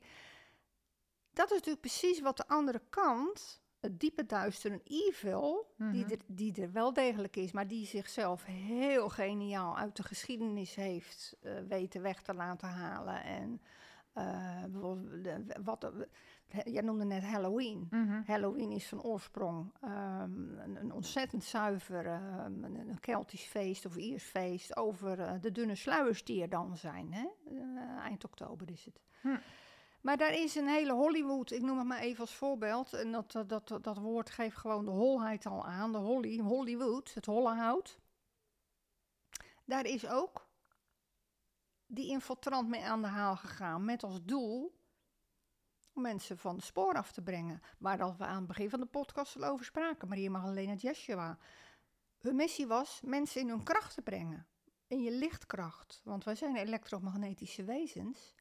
En dat is natuurlijk allemaal mooi en aardig, maar eh, even heel concreet. Er zijn ook eh, andere wezens, entiteiten, en die zijn ook zeer spiritueel. Dus daarom is spiritualiteit, geldt ook eh, voor licht en donker. De duivel is ook spiritueel en de demonen, want die zijn er wel degelijk. Er zijn entiteiten, enzovoort, enzovoort. Maar dat is tegenwoordig, ja, moet je heel erg uitkijken, want dat is zo geïnfiltreerd geraakt dat als je daarover praat, we praten hier nu in de beslotenheid van jouw huis erover. Mhm. Ja, eigenlijk eh, heeft die duivel zichzelf gewoon eh, op laten heffen. En dat is natuurlijk heel slim. Dan kom ik natuurlijk op een heel gevaarlijk gebied. Want Mhm. ik, we- ik ben me erg bewust dat mensen dit horen. Maar even over mijzelf. Mhm. Eh, ik heb toch ook wel in mijn leven entiteiten ervaren. Dat was in een tijd toen ik absoluut nog niet in het hier en nu was. En zielsdelen miste. En eh, behoorlijk eh, alcohol gebruikte. Ja. Om te overleven. Om mijn Mhm. emotionele wonden niet te voelen. Mhm. Dat komt uit een getraumatiseerde jeugd. eh, van ook weer oorzaken in de voorouderlijke lijnen. Mhm. Want ouders doen alles na. Dus je bent altijd ook het voorbeeld voor je kind. Opvoeden is zelf opvoeden. Dat is er een van Steiner. Ik denk, verrek, het is gewoon waar. Maak nou allemaal sprongetjes. Maar ook daar, in die Nagamadi geschriften, wordt gesproken over eh, de schepping. En ook over Jaldebot. En over Yahweh en Jehovah en vele andere namen meer. Ja. Maar ook over de Sophia. Wat is dat?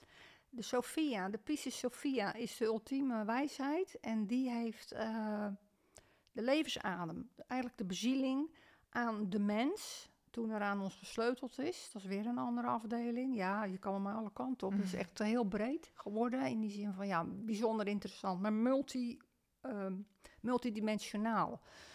Eh, ik kan nog niet meer rechtlijnig kijken. Dus daarom is het voor mensen, als, als we op, op dit gesprek komen, dan ga ik alle kanten heen. En dat Mhm. komt door multidimensionaliteit. Maar de gemiddelde mens kan er helemaal niks mee. Dus die, die, die ontploffen gewoon als ze mij eh, een vraag stellen. En dan. eh.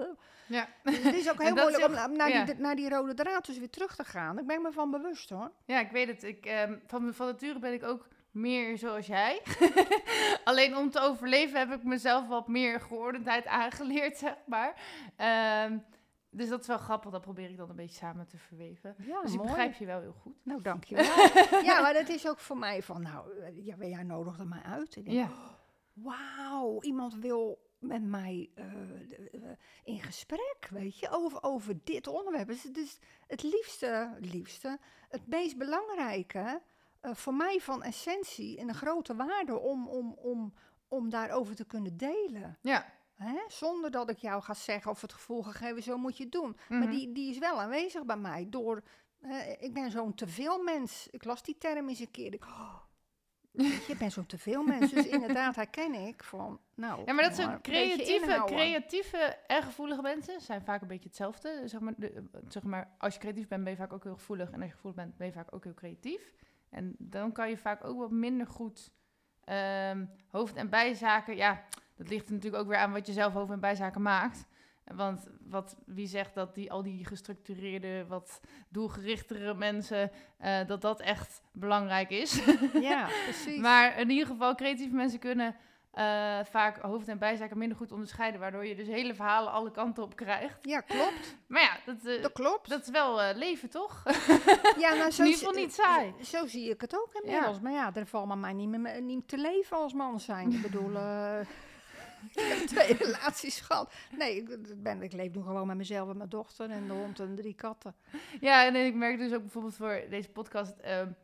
zeg maar, ik probeer er wel enige structuur in te krijgen. Dat lukt ook wel een beetje. Maar als een, ehm, ja, een basis iemand dit wil begrijpen, dat gaat niet lukken. Nee, eh, nee dat begrijp ik ook volkomen. Ja. Weet je, en denk ja, so it be. Ja. Ehm, ja, ik, ik, ik, kan niet anders Nee. eh, het verwoorden. Ja. Ik denk, ja, dat is dan zo. Nou ja, ik leer er in ieder geval nieuwe dingen van. Dus, nou, eh, fijn. ja, maar ik zit hier niet om jou te leren. maar Het is Nee. gewoon heel fijn om, om gewoon zo eh, dat te kunnen vertellen. Ja. Waar ik zelf dan nog... eh, je hebt het over de duivel en demonen. Ehm, ik zeg niet dat die niet bestaan. Maar wat ik lastig vind is...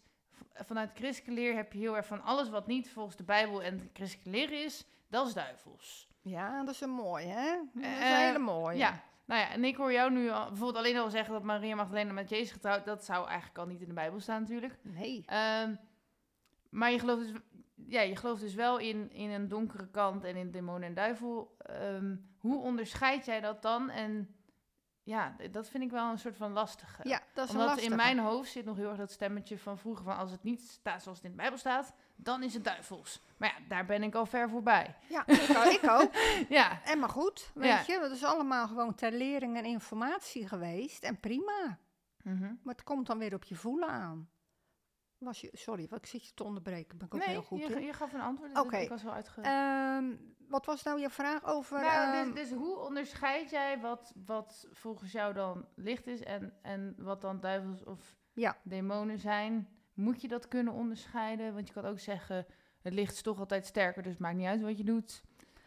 Het maakt degelijk wel uit, want eh, het duister kan niet leven zonder licht. En er zijn entiteiten eh, die zich voor kunnen doen als licht. Zo, zo meestelijk geniaal zijn ze. Maar ze kunnen nooit het echte licht, het zielenlicht hè, van onze grote centrale zon, de- kunnen ze evenaren. Dat moeten ze halen bij mensen. Wij zijn dan eigenlijk hun batterij. En het is ongelooflijk chockerend. eh, toen ik me daarin ging verdiepen, ik werd er misselijk van en ik, ehm, ik herkende wat ik las. Het ging over vibraties en over eh, energie halen. En dat is gewoon in de Arabische wereld bijvoorbeeld heel erg bekend. Dat heet dan djinns, Mhm. de djinn. eh, entiteiten, eh, ja, je hebt negatieve entiteiten.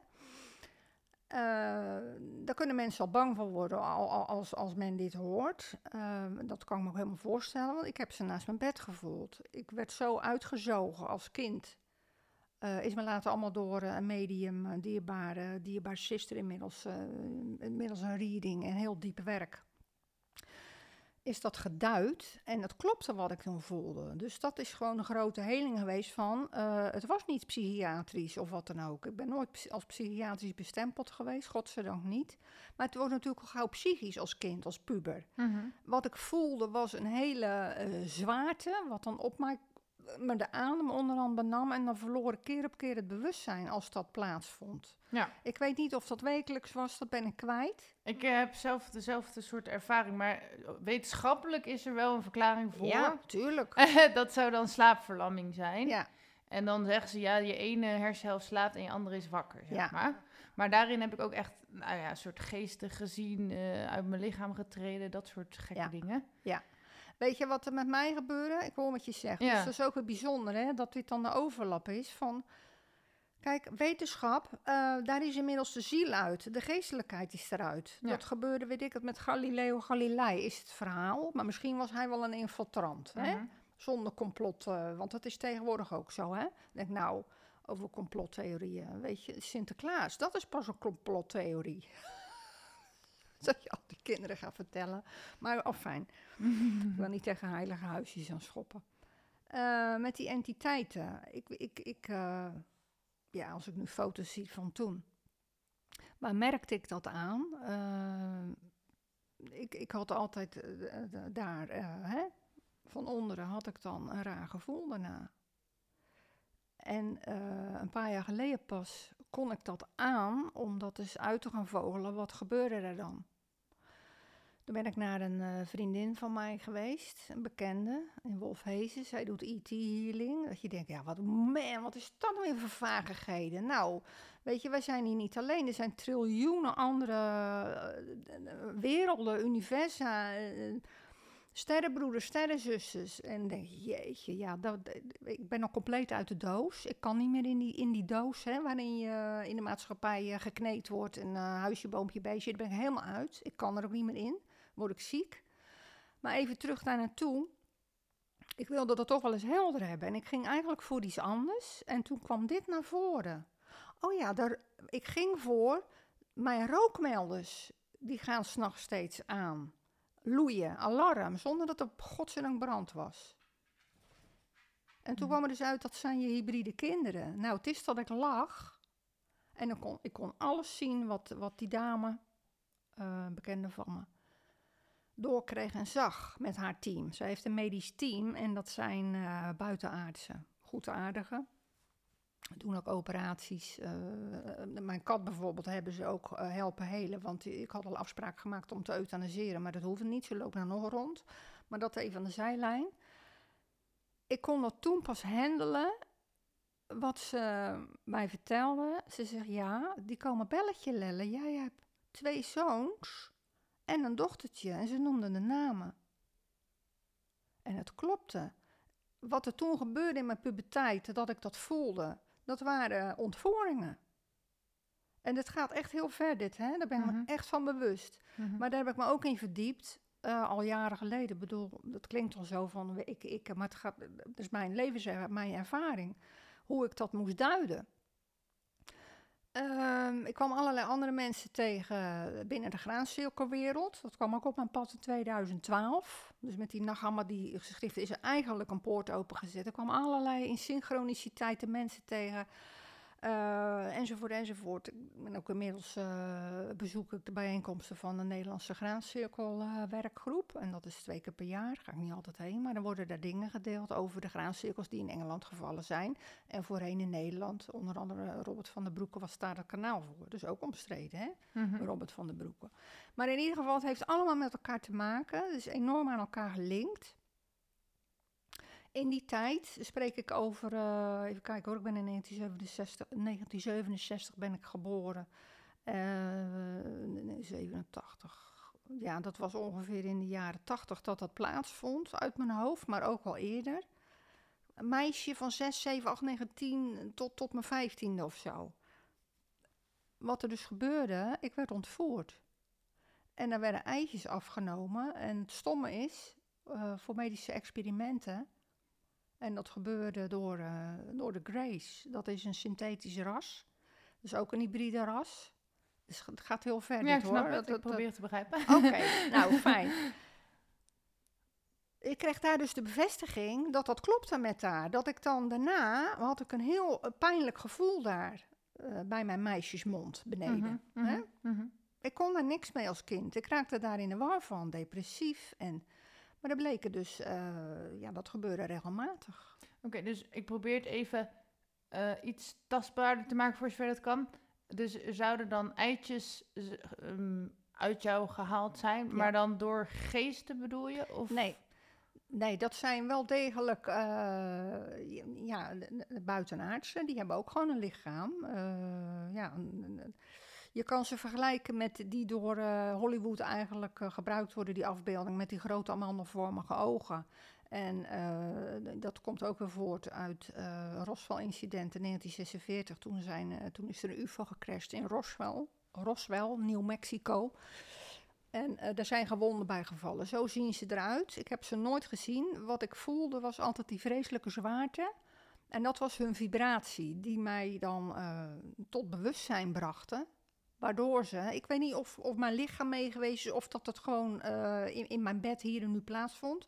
Want vergis je niet, de technologie waarin wij denken modern te zijn, dat loopt 70 jaar voorop. Of wij lopen 70 jaar achter. Dat Mhm. wordt ook bewust zo weggehouden. Mhm. Om de mensen dus, eh, nou ja, eh, een beetje, beperkt te houden. Maar die buitenaardse technologie is immens. Nou, je hebt als voorbeeld natuurlijk een smartphone. Dat is natuurlijk ook niet te vatten met je hoofd. Hoe werkt Mhm. dat dan? Nou, ook zoiets.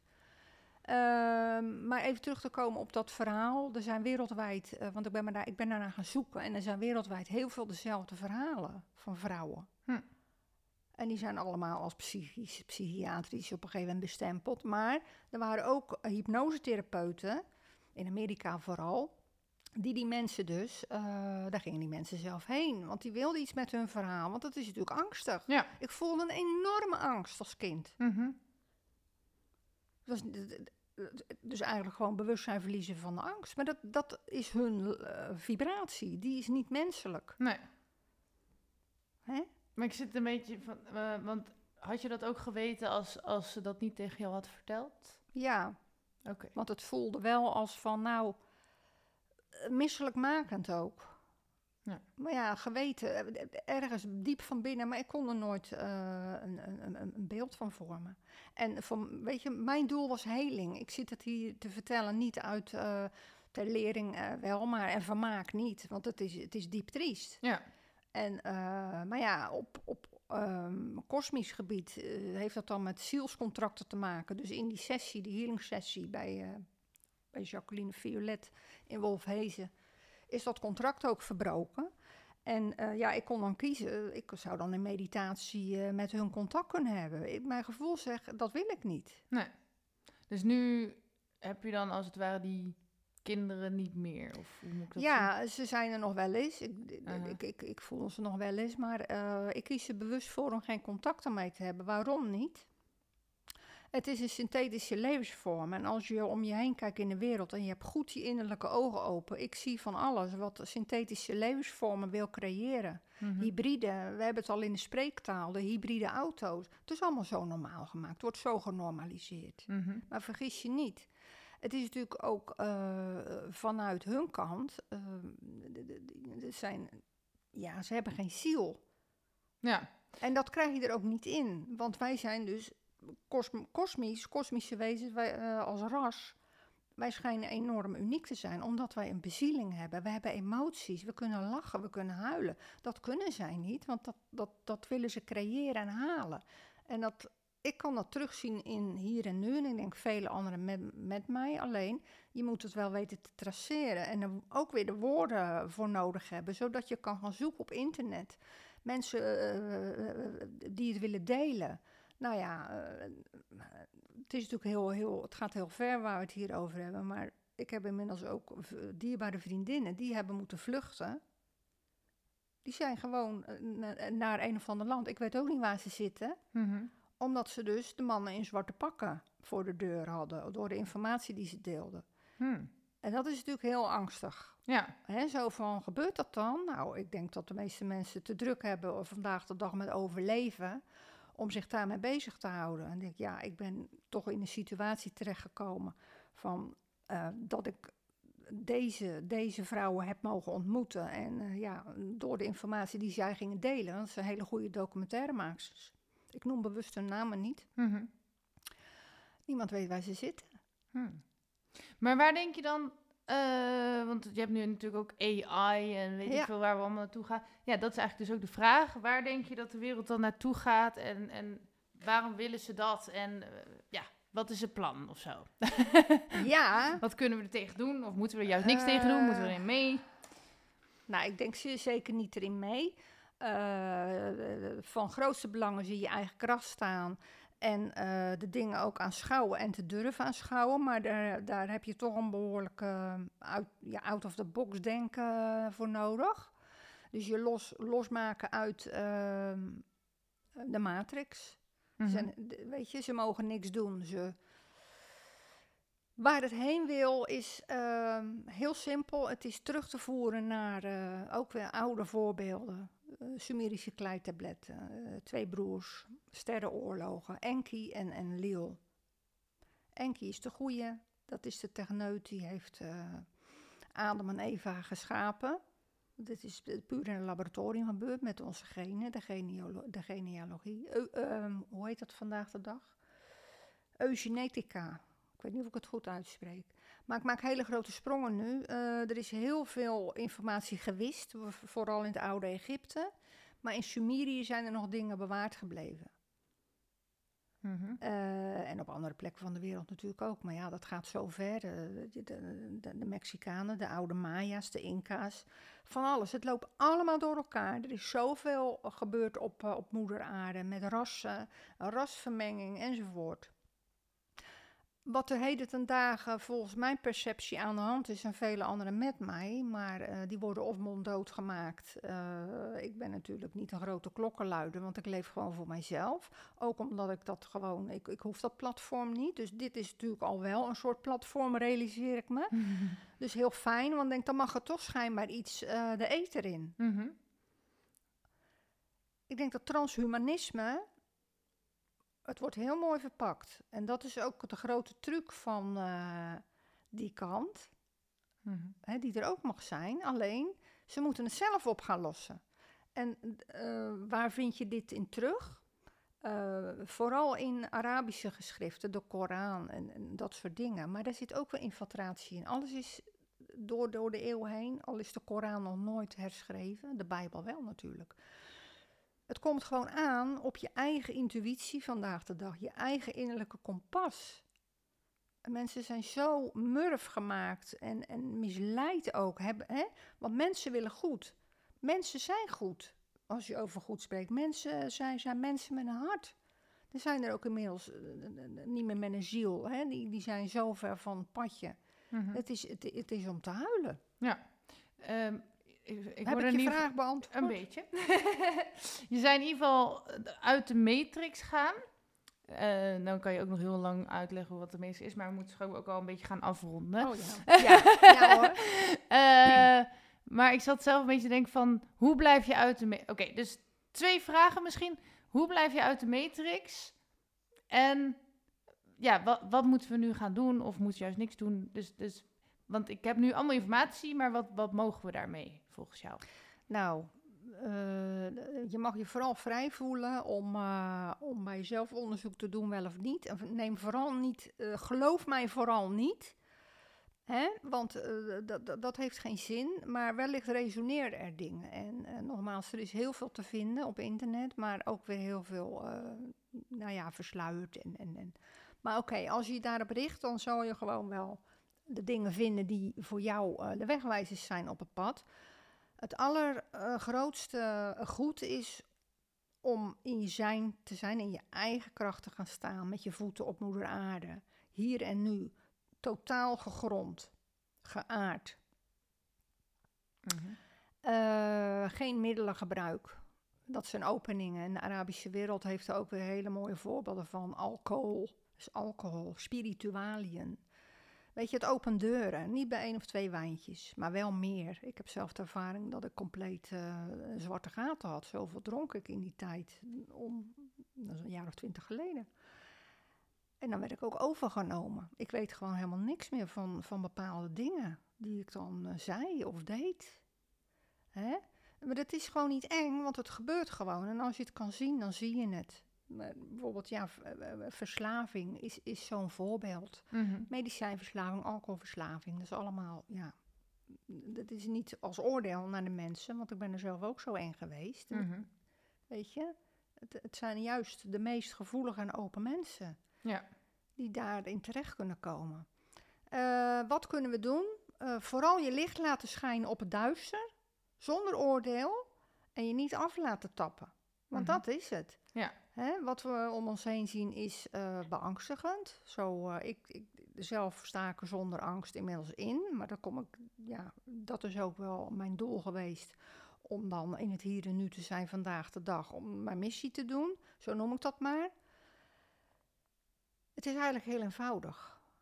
Blijf uit die, die, ehm, die, die indoctrinatie, zou ik haast zeggen. eh, uit de programmering. het duister mag niks doen zonder dat ze het melden. Dus eh, kijk gewoon met andere ogen. Kijk met de ogen van je hart in plaats van de ogen van je hoofd. Want dat zijn twee verschillende werelden. Ja. Eh, ja, en, en, en, en blijf baas over je eigen lichaam. Weet je, wees je bewust van dat we altijd een keus hebben. Het is je geboorterecht om te zeggen tegen dingen: nee, ik wil dat niet. Mhm. Ik wil bij mezelf blijven. Ik, ik, ik, ik, ik wil geen eh, orgaandonor zijn, bijvoorbeeld. Dat spreek ik voor mezelf. Ik wil Mhm. geen vaccinaties. Ik spreek voor mezelf. Ja. Weet je, zonder dat ik zeg dat de ander dat niet moet doen. Ik doe het niet. Nee. Van allergrootste belang is. Blijf bij jezelf. Hè? En dan echt gewoon in, in je grote, je hogere zelf. Dan denk ja, de matrix. Wat is de matrix? Het is een hologram. Het, het, het is een geniaal iets waarin we 26.000 jaar geleden terecht zijn gemanoeuvreerd. En eh, ja, het, het is ook wel ehm, een behoorlijk iets hoor. Zo van, eh, ik zit ook niet alle dagen zo erbij zoals nu. Ik heb soms hele zware dagen, omdat het collectief het verdriet voelen van mensen. Maar hoe gaat het nu verder? Onze kinderen, mijn kind, andermans kinderen. Weet je, waar komen ze in terecht? Alle programmering, Mhm. waarvan mensen denken dat het goed bedoeld is. Het is de misleiding. En de duivel is heel slim en listig. Ik noem het maar de duivel Mhm. is heel slim en listig. Maar één ding kan dat niet. Die is niet te evenaren aan een ziel. Dus het komt er ook op aan. eh, leer jezelf onderscheid te voelen. Ja, hoe doe je dat dan? Te voelen, ten diepste te voelen, naar je emoties te gaan. Emoties zijn menselijk. Niet de drama-emoties van dat je het bij een ander neer van help, heb ik allemaal zelf allemaal gedaan. En daarmee voelen van dat die ander jou niet moet, omdat je dan bij hem gaat halen. Iets gaat door jou heen, want zo subtiel werkt het. Het gaat via je DNA. Het gaat via DNA bij mensen. Halen bij die ander. En denk, ja, de film De Matrix wordt vaak aangehaald, maar daar, het is echt om te kotsen. Mhm. Echt, weet je. Maar het is niet zo dat dat het lot is van de mensen. Het is juist waar we mee begonnen. Maria Magdalena Joshua, die wisten dit allemaal. Die hadden ook hun diepe verdriet. Wat gebeurt er met kinderen die verdwijnen? Ik bedoel, daar gaan we nu niet in. Het is te wanstaltig voor woorden. Je kan het niet voorstellen. Wij hebben een ziel. Mensen willen goed, mensen willen geen oorlog, mensen willen geen honger. Het is allemaal eh, geïnfiltreerd. En, en ja, als je niet van die dingen nog weet, beangstigend. Mhm. Maar de kunst is om daaruit te blijven. En niet van, oh, kijk eens hoe knap. Weet je, eh, de dood komt soms bij mij heel dichtbij. Omdat ik eh, ja, ook regressies heb mogen ervaren van hoe, hoe ik toen gestorven ben. En ja, dat gaat heel diep. En je kan dat geloven of niet. Ik heb zelf ook wel zoiets van, ja, pik ik dan niet de collectieve iets op? Eh, hè, met al die sessies die ik eh, heb liggen schudden, bibberen, eh, braken, dagenlang diarree. daarna, alle, alle shit kwam er letterlijk uit. Maar het heeft mij opgeschoond. En het is ook niet zo van dat ik hier zit te propageren van loutering. hè, lijden is loutering. Maar ja, eigenlijk wel. In die zin van als je dus diep transformerend werk gaat doen door een gedegen therapeut. Ja. De gedegen begeleiding. Weet je, op een gegeven moment kan je het zelf. Maar ja, dan, ik denk altijd van, wanneer ben je dan klaar? nou, eh, eh, wanneer ben je klaar? Eh, als je dus dat punt heeft, hebt weten te bereiken, dan, dan, dan is dat een diep innerlijk weten van oké, dit is het dus. En dan kan ik altijd naar terugkeren. Want dat is natuurlijk de clue. Eh, woorden halen je daar vandaan. Woorden halen mij daar, woorden halen mij daaruit weg. Naar een strand halen mij daarvan weg. Want dan kom ik in een hele andere laag. Mhm. Dus wat ik vanavond ga doen, ik ga dan weer terug naar mijn. Want ik ben er nu uit. Ik heb er wel verbinding mee, maar ik ben er nu uit. Maar je Om- kan er toch ook vanuit spreken juist? Ja, ik spreek er ook uit. Ik ben er Ja. niet uit. Ik zeg dat niet goed. Ik- want ik spreek wel uit mijn hart. Maar het zijn natuurlijk ook woorden die me uit die stille staat, eh, van een mystieke staat halen. Ja, dat klinkt dan weer zo mooi, Ja, maar nou dat. Ja, ik zit hier niet van. eh, eh, nee, nee, want het is ten diepste dat ik vanuit mijn ziel spreek. Zo voelt het. Oké. ehm, maar, eh, dus je zegt eigenlijk, blijf bij jezelf. Ik probeer even een samenvatting te geven. Ja, ja weer heel veel Eh, Laat je niet mij. verleiden door, door verslavingen. Ja. Eh, volg je gevoel. Ehm, wees baas over je eigen lichaam en ziel. Vooral je ziel, want daar gaat het om. Ja. Grab Your Soul Away. Wuthering Heights, zong Kate Bush. Maar hoe weet ik nou of ik het goed doe, zeg maar? Zeg maar hoe weet ik nou dat mijn ziel eh, bij de verkeerde zit of zo? Ja. Ja, ja, ja, ja. nou ja, bij de verkeerde, weet je. Uh, Joshua Maria Magdalena, uh, die veroordeelden het duister niet. Mhm. Maar zij bleven aanschouwen. En uh, vertaald naar vandaag de dag, ik heb er ook erg mee geworsteld. Moet ik nou nooit meer vlees eten? Nou, ik ben uitgekomen op van uh, door de frequentieverhoging of de weg naar binnen heb ik geen behoefte meer aan vlees. Sowieso weinig eten meer, maar af en toe nog wel vis. Dus ik, dat volg ik. En denk, ja, dan is het maar zo. Kan je ook allerlei oordelen voor jezelf aan ophangen. Uh, ik heb daar middels Astrand met mijn dochter natuurlijk. Nou, die is vervent uh, bezoekster. Doe ik vrijwilligerswerk daar inmiddels. En dat het is voor haar de wereld. En verbinding heeft ze daar gevonden met gelijke stemmen. Geweldig. Muziek. Ik heb daarmee geworsteld van... Wat moet ik daar nou mee? Laten gaan. Ik heb haar bewust gemaakt. Mag ik hopen. Meegegeven. Denk erom. Je hebt muziek en muziek. Want die death metal... Daar zitten openingen in. Mm -hmm. Want dat is een vibratie. Uh, als je daaruit kan blijven, is dan een kunst. Want dan kan je, dan kan je hè, want zij staat er achter de bar. En ook als met zo'n uh, death metal uh, band. En denk ik, nou, partij takherrie, ik trek dat niet. maar ik ben haar niet. Weet je, en dat is niet om op te scheppen of zo. Maar wat ik heb geprobeerd is haar mee te geven. Denk erom, blijf altijd bij jezelf. Ook juist met zulke vibraties. Ga douchen als je thuis bent. Je kan heel veel. Nou ja, wat ik aan haar zie is uh, dat ze gewoon uh, toch aardig uh, als een rotsblok staat. Ja. En een hele eigen, hè, een eigenheid. En dat moet ook, want anders, hè, mensen vandaag de dag worden omvergelopen figuurlijk. Jonge lui. Ouders weten het niet meer. Heel de dag met die beeldschermen. Dat zijn ook tools om energie af te tappen. Ja. Maar ja, inderdaad. Uh, ik zet Janis Joplin wel eens op, weet je wel. Geweldig. Woodstock had ik bij willen zijn. Nou, uh, Harry, tot Mhm. en met. Mhm. Oké, dus het gevaar is eigenlijk wat je zegt, dat je jezelf kwijtraakt. En als je op het goede pad zit, dan, dan kom je gewoon dichter bij jezelf. En daar gaat het eigenlijk continu om. Ja, maar nog dieper, fluit jezelf steeds weer terug. Ja. Dus je kan, als je dat leuk vindt, eh, eh, doe niet wat ik zeg, nogmaals, alsjeblieft niet. Vreselijk. Je kan je daarmee verhouden. Dat is dus mogelijk, want we zijn allemaal mensen met heel veel verschillende facetten. Ja. En het is niet van dat je daar weg moet blijven, want dat zou dan een soort eh, enge religie worden van, eh, ja, je mag niet meer eh, naar een bar of... Maar, je- stel, ik zou heel erg van dead metal houden. We moeten wel een beetje gaan afronden hoor. Maar... ja, ja, ja, ja, ja. en eh, ik luister dat de hele dag en zo. En dan denk jij van, dan, dan zou ik uiteindelijk me slechter gaan voelen. En meer drugs gaan gebruiken. En eh, heel veel alcohol gaan drinken. En dan ben ik mezelf kwijt misschien of zo. Is dat een beetje wat je zegt? Of vul ik nu Nee, nee, in? nee, dat zeg ik juist niet. Oké. Het gevaar is, het zijn dus vibraties. En als je dat eh, in, in, in bijvoorbeeld in die, die, die geluiden Ja. In water zou vertaald zien, dan zie je een hoop lelijkheid. Ja, lelijkheid, begrijp me goed.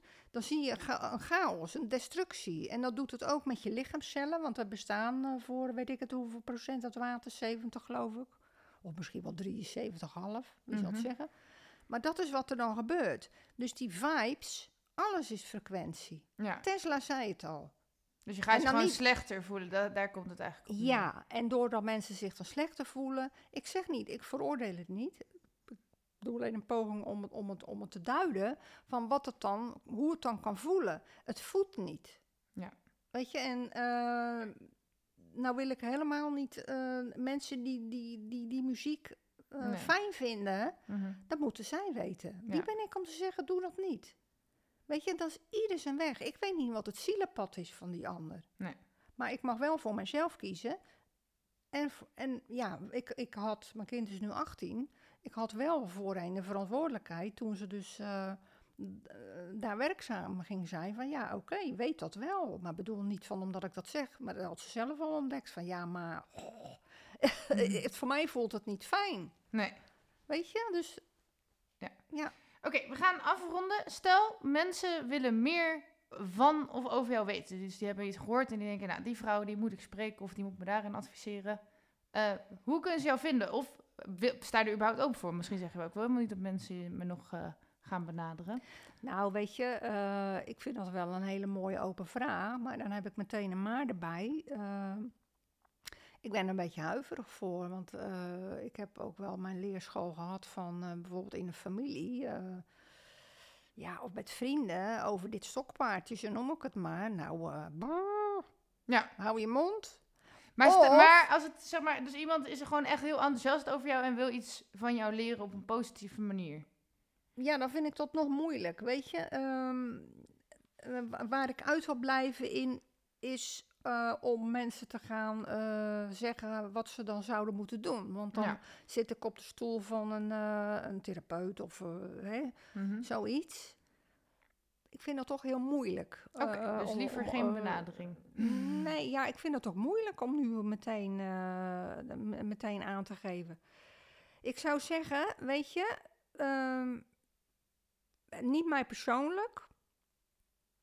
Want eh, die ken ik al vanuit de winkel. Ik heb een, een, paar- een drogisterijachtergrond. En denk ja, dat wordt me allemaal te veel. Want eh, elke vraag is al een hoop, hè? Dat, Mhm. dat, dat, dat vergt al veel. Het is juist bij mensen zelf om te gaan zoeken. En Ja. eh, wat kan ik aanbevelen eventueel? Nou, de boeken die ik net noemde, maar voor een beginneling. Beginneling, ook weer zo'n woord, hè? Eh, Lars Mul bijvoorbeeld. Lars Mul heeft een website en boeken geschreven. En eh, die, die vertelt eigenlijk het verhaal van de Essene, de traditie en de Kataarse traditie geeft hij door in begrijpelijke romanvorm. Dus dat, zo heet dat dan. Maar het zijn eigenlijk gewoon de verhalen van nu. Voor mensen dus die echt het diepere pad op willen. En verder, ja, Kathleen McGowan.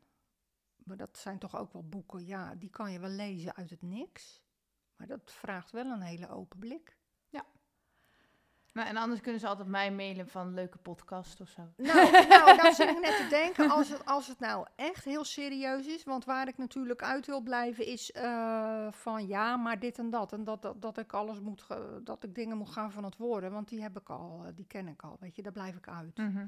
Want dat, dat, dat is niet waar ik mijn energie aan wil geven. Ja, Nee. dat klinkt ook weer zo. Nee, snap maar, ik. eh, dat is misschien een mooie. Als er echt serieuze mensen zijn die, die bijvoorbeeld eh, bepaalde vragen. Nou, misschien via jou. Ja, dus dan mogen ze mij mailen info.walinda.nl. Dan scan ik even wat ze, wat ze hebben gezegd en dan kan ik het met jou overleggen. Nou, dat is een mooie middenweg. Ja, maar ik, nou ja, dat, dat is mooi. Ja, Weet toch? je, dan eh, ja, zo voelt eh, ruim. Mooi. Eh, ik ga nog, want ik zit nu toch een beetje ver van het apparaat af. Er is nog een eindmuziekje. Eh, op het eind zeg ik daar nog iets. Maar jij mag nu nog een soort laatste quote doen. Hij hoeft niet super goed te zijn. Mag ook gewoon heel simpels. 3, 2, 1. In de stilte is het alles, vind je alles. En in de stilte ontvouwt zich alles.